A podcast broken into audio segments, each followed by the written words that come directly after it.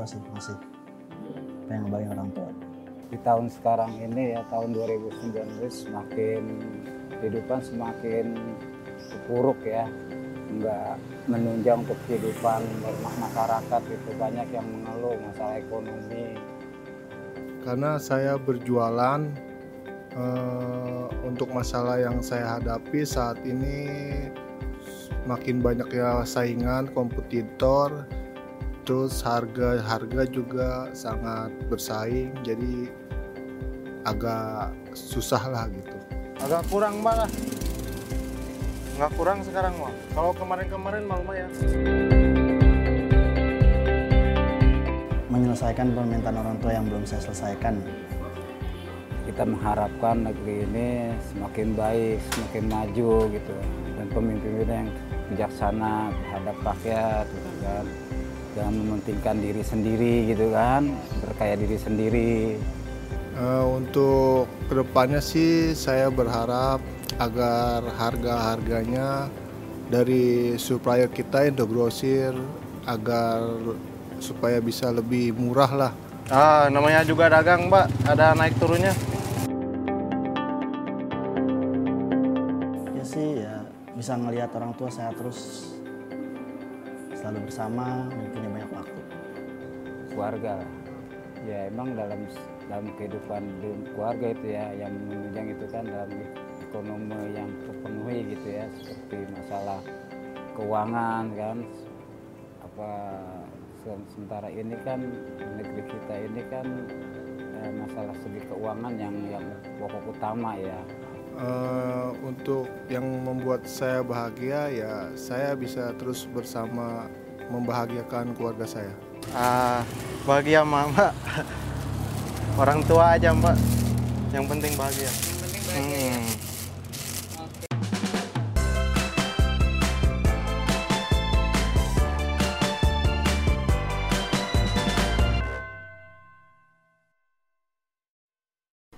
Hey, good morning. Selamat pagi. Saya Tom MC Ifle, founder Top Coach Indonesia.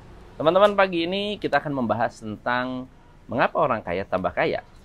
Dan banyak juga yang mengatakan orang miskin jadi tambah miskin. Hari ini saya ingin sharing satu hal yang menurut saya cukup menarik karena ada banyak orang bilang uh, uang itu tidak bisa menyelesaikan semua masalah. Saya setuju. Kalau tidak punya uang pun tidak bisa menyelesaikan semua masalah.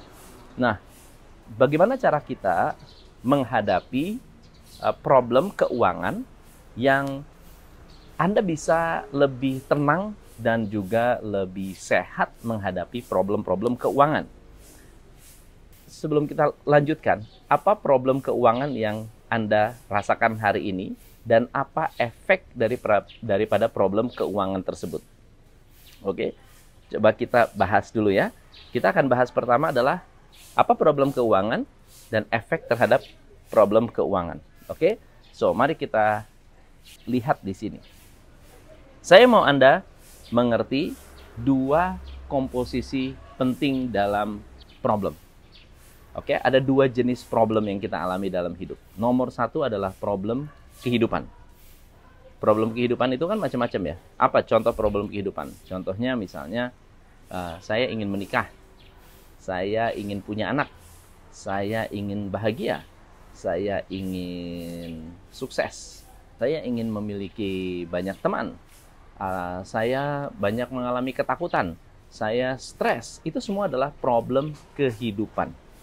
Nah, yang jadi masalah adalah banyak orang ingin menyelesaikan problem kehidupan dengan uang. Padahal kita tahu ada yang namanya problem keuangan. So, apakah problem kehidupan bisa diselesaikan dengan kemampuan keuangan? Ini yang jadi masalah nih. Ini yang benar-benar menjadi problem. Problem keuangan itu apa? Problem keuangan nggak bisa makan, nggak bisa beli rumah, nggak bisa nyekolahin anak, nggak bisa beli baju yang bagus, nggak bisa beli baju untuk misalnya Anda ngelamar kerja. Ini semua adalah problem keuangan. Tetapi yang menjadi masalah adalah kalau ada orang bilang uang itu tidak akan saya lagi ada di Bali. eh, salah satu klien saya buka cabang. Jadi hari ini kita breakfastnya di luar. Ya, di Sudah ngopi belum? Sudah ngopi? Kita ngopi dulu.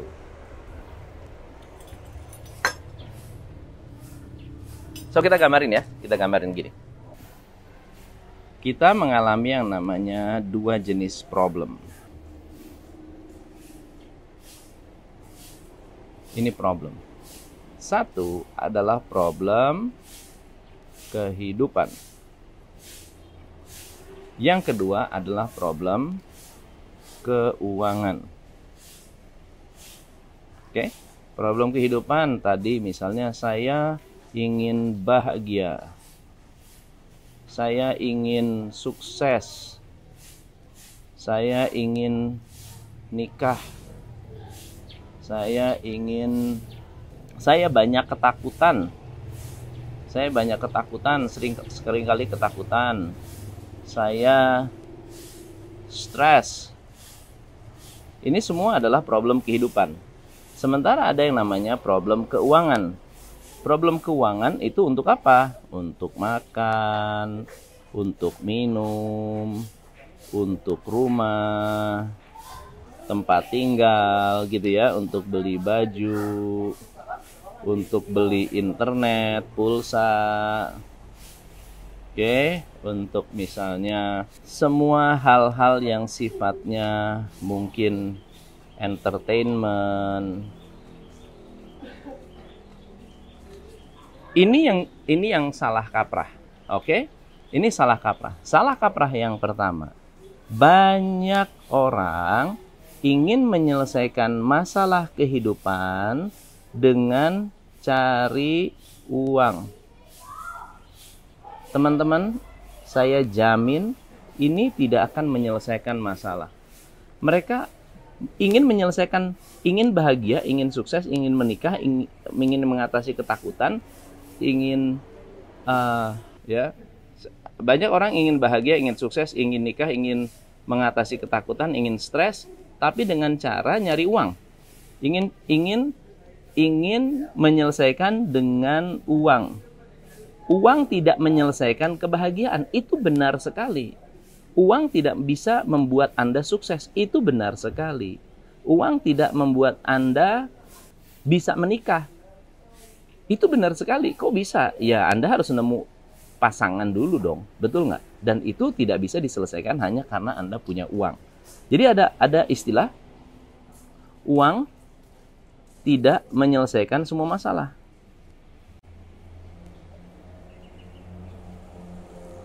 Semua masalah itu betul.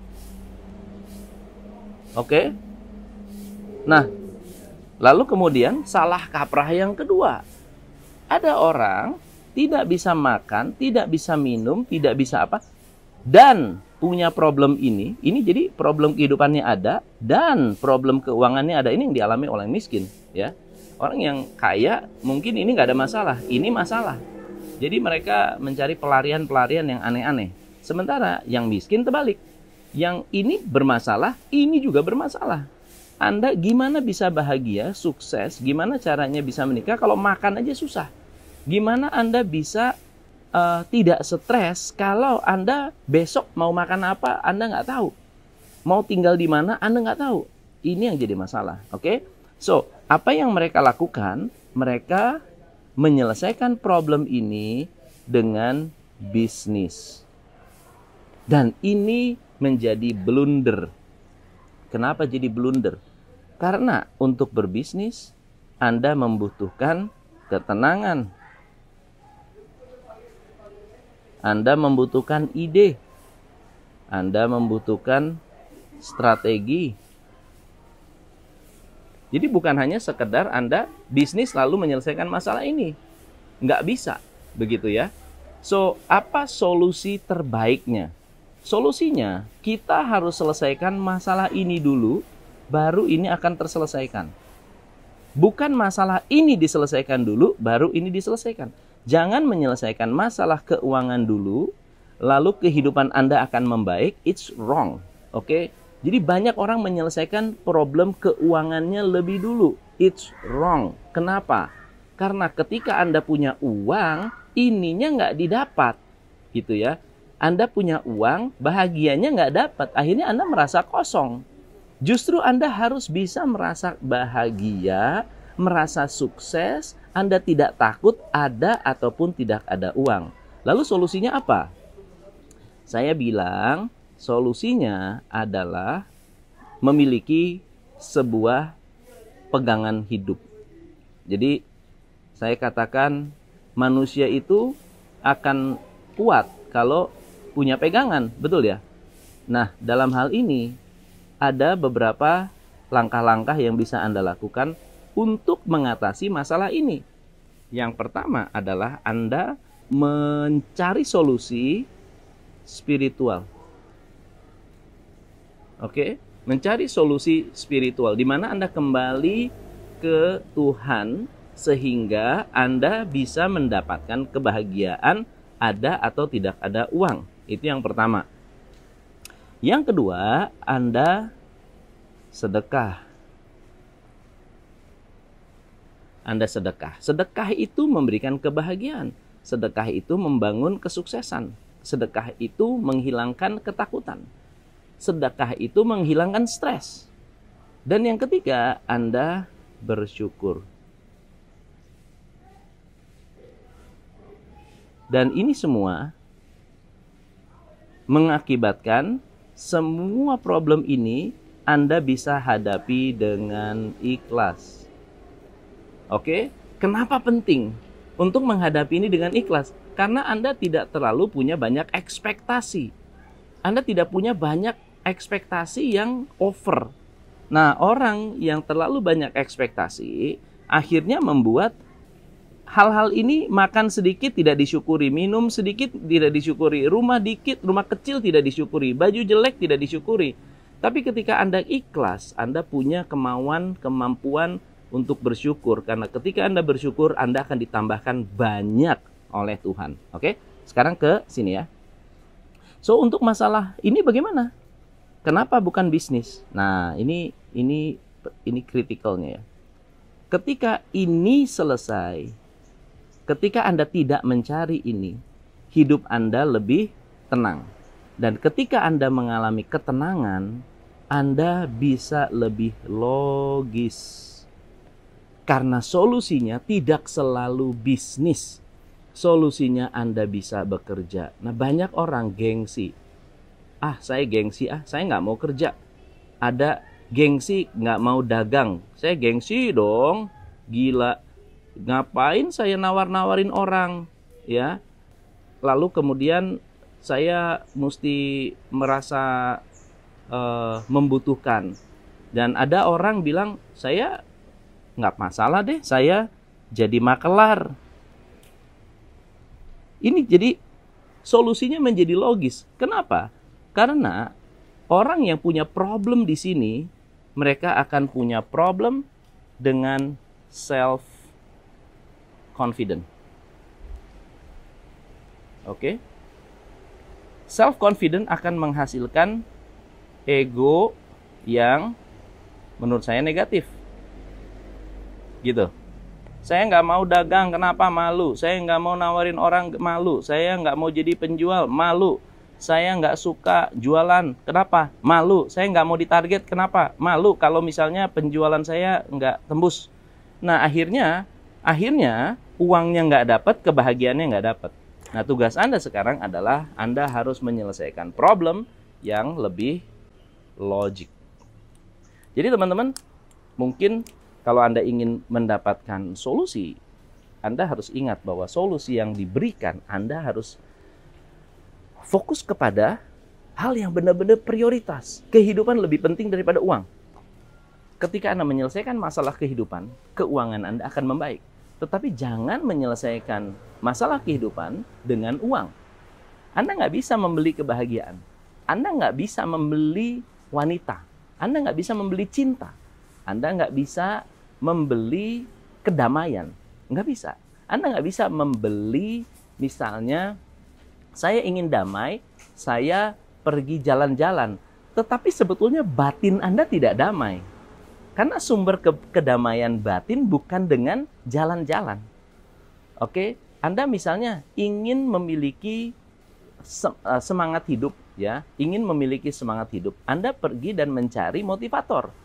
Teman-teman, motivator tidak bisa membantu Anda. Yang bisa bantu kita sebetulnya Tuhan. Oke, Anda melakukan tindakan yang mendukung pekerjaan-pekerjaan Tuhan. Ya, kenapa sedekah itu bagus? Karena mendukung pekerjaan Tuhan. Mengapa bersyukur itu bagus? Karena mendukung pekerjaan Tuhan. Kenapa Anda kembali ke spiritual bagus? Karena itu mendukung pekerjaan Tuhan. Nah, karena Tuhan yang memberikan kehidupan, maka solusinya datangnya dari Tuhan, bukan dari uang. Jadi itulah yang dipikirkan, itulah yang banyak orang kaya alami. Orang kaya tambah kaya karena mereka mengerti bahwa solusi kehidupan bukan didapat dari uang, tetapi didapat dari spiritualitasnya mereka. So teman-teman, uh, mudah-mudahan Anda bisa mendapatkan manfaat dari sesi kita hari ini dan please share dan subscribe. Saya Tom MC Play. Salam pencerahan. Hanya di Top Coach Indonesia.